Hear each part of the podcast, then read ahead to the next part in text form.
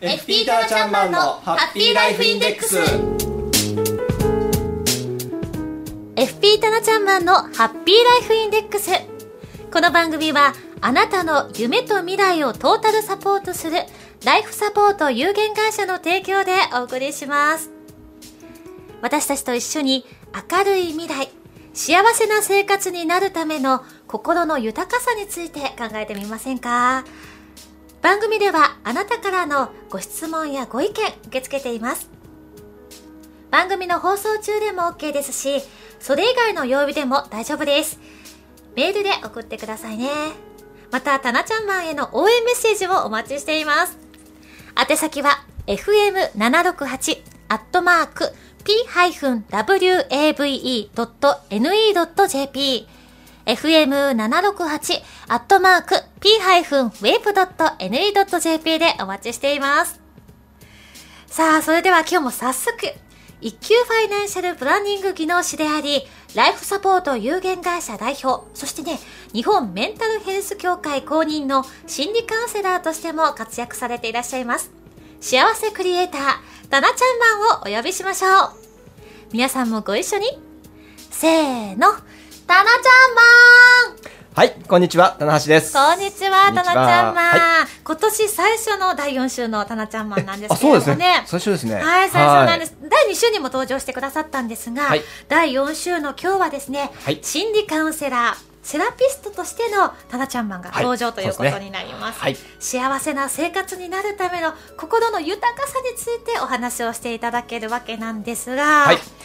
もうすぐバレンタインですよ。そうですね。気がつけばね、はい、はい。あのこうそわそわしてくる時期でもありま。す。すね。なんか羨ましい感じですけどね。そうですか。はい。あのね、あのよく考えてしまうんですけども、はい。私もね、もうあの恋しい人がいる方は、はい。あのこの人いいなと思ってる時とかね、うん付き合ってる時っていうのは、はいやっぱりバレンタイン結構イベントですよ。イベントですよね。どんはないチョコがいいかなとか、はい。手作りにしようかな、買おうかなとか、はい。いろいろ考えるんですけど、えただね、この時期ね、はい。喧嘩をしちゃうと痛いんですよ。ああなるほどはいなんか気まずいままバレンタイン迎えたくないんだけど、なんか嫌なところはずっと引っかかってるなみたいな、はいそうですねところがあるんですけど、はいこれをうまく処理するには、まあ、喧嘩なくしてここは直した方がいいんじゃないとかそういううまく言う方法はどうしたらいいんですかね。そうですね。はい。うんバッチリですよ。その辺は。お願いしますもうはい。お任せください。とはいいうことでね。あのー例えばね、相手のこう気に入らないところとかね、うんこう気になるところ、相手に対してね、例えばあなたこう、ね、こうじゃないとか言われると、例えば自分がね、その言われたとすると、どう思うかってね、やっぱり、うんうん、こう、うまあ、うれ嬉しくはないですね。すね少なくともね。うんえーあまりいい感情は持たないですし、はいほっといてくれよっていう感情になると思うんですよね。うるせえなこいつとかですね。そういった感情になると思いますんで、うんなので、相手に対して主語は相手ではなくて、はい、主語を自分に変えて言うんですよ。主語を自分はい。相手のことを言うのにですか？そうです。はい。だから、あなたのこういうところが嫌いとかですね、うん。あなたのこういうところが嫌なのとかですね、うんうん。主語が相手にすると、相手はそういう嫌な感情を持ちますよね。あなたがあなたがみたいな。そうですね。はい。はいはい。それを自分に、主語を自分に変えるんですよ。ええ。私はあなたがこうしていると、私はこう悲しいのとか、うーうん。ん、私はあなたがこうしているところを私見てるとこう心配だからこうね悲しい思いをしてるのよっていうからですねこういうふうに自分の感情を伝えるんですよ。相手に対して。あーそっかそっか。じゃあちょっと運転が荒い感じの方は、はもうちょっと運転荒いんじゃないの？っていうんではなくて。くてあなたがそういう運転をしていると事故をするんじゃないかと思って私は心配だからうん。気をつけてほしいの？とかですね。言えばそういうことあか相手はですねそう言われるとあね、あこの人は私自分のことをこう気にしてくれてるんだって思えばですね、はい。気をつけるじゃないですか。そうですね。なんか頭ごなしに怒られた感情になるよりかは、あ心配されてるんだとか僕気にかけてもらってるんだっていう方がい。いかもしそうですよね。はい、これを心理学では愛メッセージと言います。アイメッセージの愛は？愛は私の愛ですね。あ、はい。あの愛愛、マイミーの愛愛ですね。あはい。愛だと思いまし たララブの愛ですね。そうではなく、はい。あそういう、はいでもそれでも愛はこもってますそうですね、もちろんです。はい。はい、はい愛メッセージでございますよ。そしてまたね目を見てそうですね。言うとね、、は いいかもしれません。はいそっぽ向いて言うよりかは、もちろんです、もちろんです。はい。いいかもしれませんね。はいああそっかそっか。じゃあ逆にですね、え今この恋人同士、はい。まあ恋人同士というかですね、うん。このあー嫌われたらどうしようっていうようなところも気持ちもありつつのはい。会話だったんですが、はい。これが例えばですね、あのー社会とかはい。職場になったらあどうなんでしょうね。そうですね。だから例えばですね、まあ、上司から部下に対してもそうですよね。はい。はい。えーまあ、部下がまあ、ちょっとしたミスをしてしまったっていう時も、うん頭ごなしに起こるんではなくて、はい。うん、まさか、ね、お前がこんなところでミスをするなんて思ってもいなかったからびっくりしたぞっていうふうに伝えれば、うん、注意された方もあ期待されてたんだっていうのが伝わるわけじゃないですか。うんそうすると、じゃあすいませんでした。あの、次からは、あのね、こうミスをしないように、もう注意持ってやりますからっていう返事が返ってくるんですね。そこをね、いつものように、何やってるんだ、こんなことでね、ミスをするなんて、っていうことを言っちゃうと、やっぱり反発しか来ないですよね。うんもうしてしまったもうしゃあないやんっていう気持ち そうですよね。ありますし、はい今からどないしたらいいのってなるかもしれませんけれども、はいああそっかそんなミスもっと期待してたのにもう驚いたよそうですね。言はい。ってしまうと、ああびあ僕期待されてたんだ、はい。ああその期待を裏切ってしまったんだ、ねどうしよう。次回はやりますっていう返事が返ってくる確率がかなり高くなると思うんですよね。挽回しようはという気持ちも高まるし、そうですよねなんかそれが嫌な思い出よりも、はいあ俺期待されてんだからちょっと今度頑張っちゃうかなそうですね。で、この上司のためだって思えるじゃないですか。そういうふうにねそうです、言ってくれる上司だったら。ああそっか、はい。もうなんかちょっと頭冷やして考えなきゃいけないですねそうですね。逆にですね、部下から上司に対してもそうなんですよね。まあ伝えるんですね。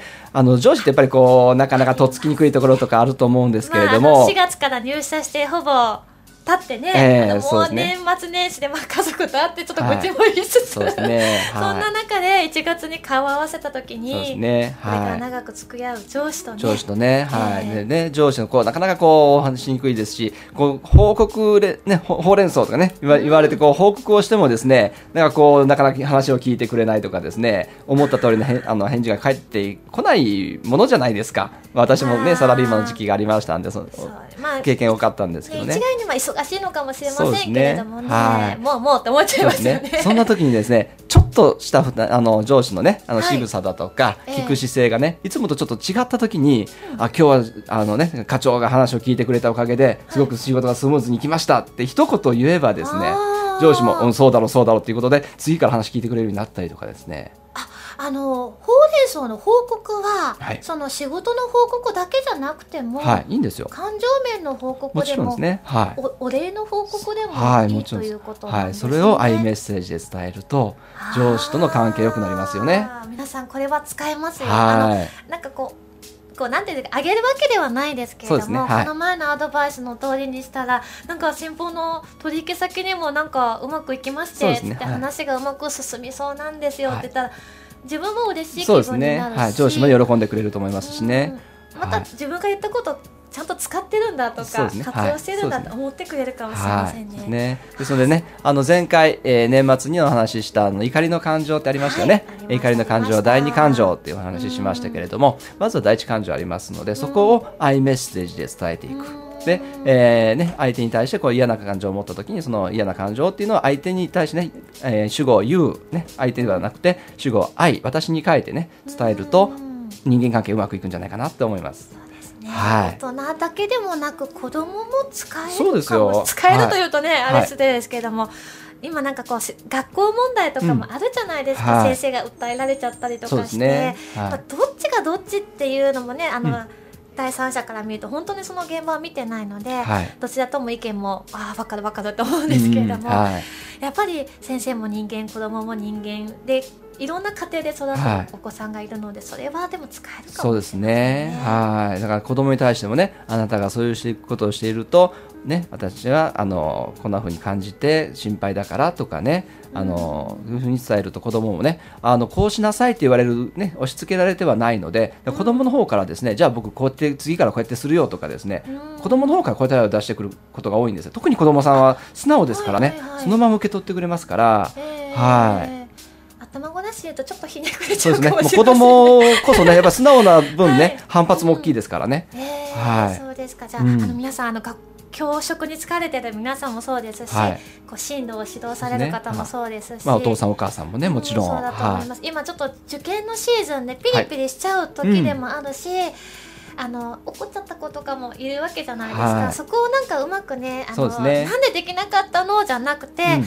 あの今回残念だったけれども、次があるしっていうのでね。よく頑張った、頑張ったには間違いないですからね。ね。はい。落ちようと思って受けるそう受験生いですね。あの本人がね一番よく分かってますからねその辺のところは、簡単に、でもなんか無視するのもなんかわざとらしいですからね。ね。はい。はい、そんな感じでこううまくうまく進めていっていただけるとはい。いいんじゃないかなと思います。これ使えますからね。はい。アイメッセージでございはい、ます。結構使えると思いますよ。I my me のアイメッセージ、そしてラボの愛を込めて、はいそうですね。目目を見てて。これも愛ですからね。目 はい、もね、もう 3I で、はい。愛の三乗でいきましょう。そうですね。はい。はい、今日はですね、あのなかなか言えないそのまあ感情をですね、はい。どんな風に伝えたらいいかというようなお話を教えていただきました。素敵なお話ありがとうはい、ございます。ありがとうございます。はい、はい。ぜひね、あの皆さん、ライフサポート有限会社のホームページチェックしていただきたいと思います。過去の放送分も聞いていただきますし、今日の放送もですね、あれ、愛だっけ、ゆだっけ、わかねはい。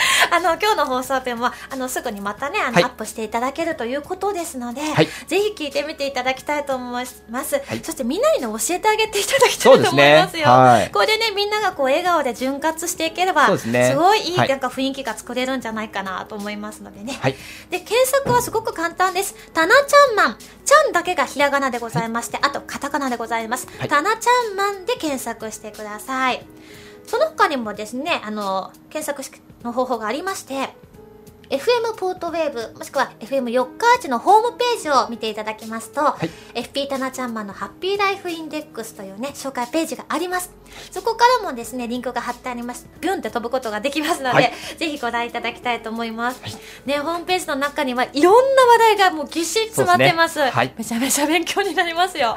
そしてね、実際、もっと詳しく知りたいという方は、ぜひ、はい。タナちゃんマンにおそうですね。はい。問い合わせください。お気軽にはい。えあの直接ね言っていただいてもいいですし、一回電話を入れてですね,、こういった内容で聞きたいんですけど、ここでいいですかってはいいうようなこともね、教えていただけるんじゃないかなと思います。詳しくはあのホームページご覧いただきたいと思います。はい。第2週と第4週登場してくれるタナちゃんマンですが、次回は2月10日、バレンタイン間近ですよ。本当ですね。は2い 月10日木曜日に登場してくださいます、はい。この日にはですねマネーに関するお話でございます。はいね、どしどしご質問お寄せください。そうですね。あの、はい。お金の話ってなかなか聞きづらいですけれどもね、ラジオネームなら聞けるんじゃないですか。えーそうですね。もうねもう来月になりますとね確定申告も近くなってきますし、はい。うん。あの去年お家を買う、購入された方あるいはね、大規模修繕、えーリフォームをされた方なんかはね、はい。えー住宅ローン控除の申告があったりとか、まあ自営業者の方はね、えー申告ありますしいろんな控除もありますんでね、はいえーそういったご質問なんかもどしどしいただければと思います。はい、あの、今日以外の曜日でも結構でございます。あの、他の曜日でも他の時間でも構いませんので、はいお寄せください。FM 768アットマーク p-wave.ne.jp でお待ちしています。どしどしお寄せくださいね。はい、今日は一級ファイナンシャルプランニング技能士としてのタナちゃんマンが登場してくれてね。はい次回はあ次回はですね、一級ファイナンシャルプランニング技能士としてのタナちゃんマンが登場してくれます。はい2月10日木曜日でございます。お楽しみになさってください。今日も素敵なお話、ためになるお話、ありがとうございました。いですありがとうございます。それではまた今度は第2と木曜日にお会いします。バイバーイ。バイバイ。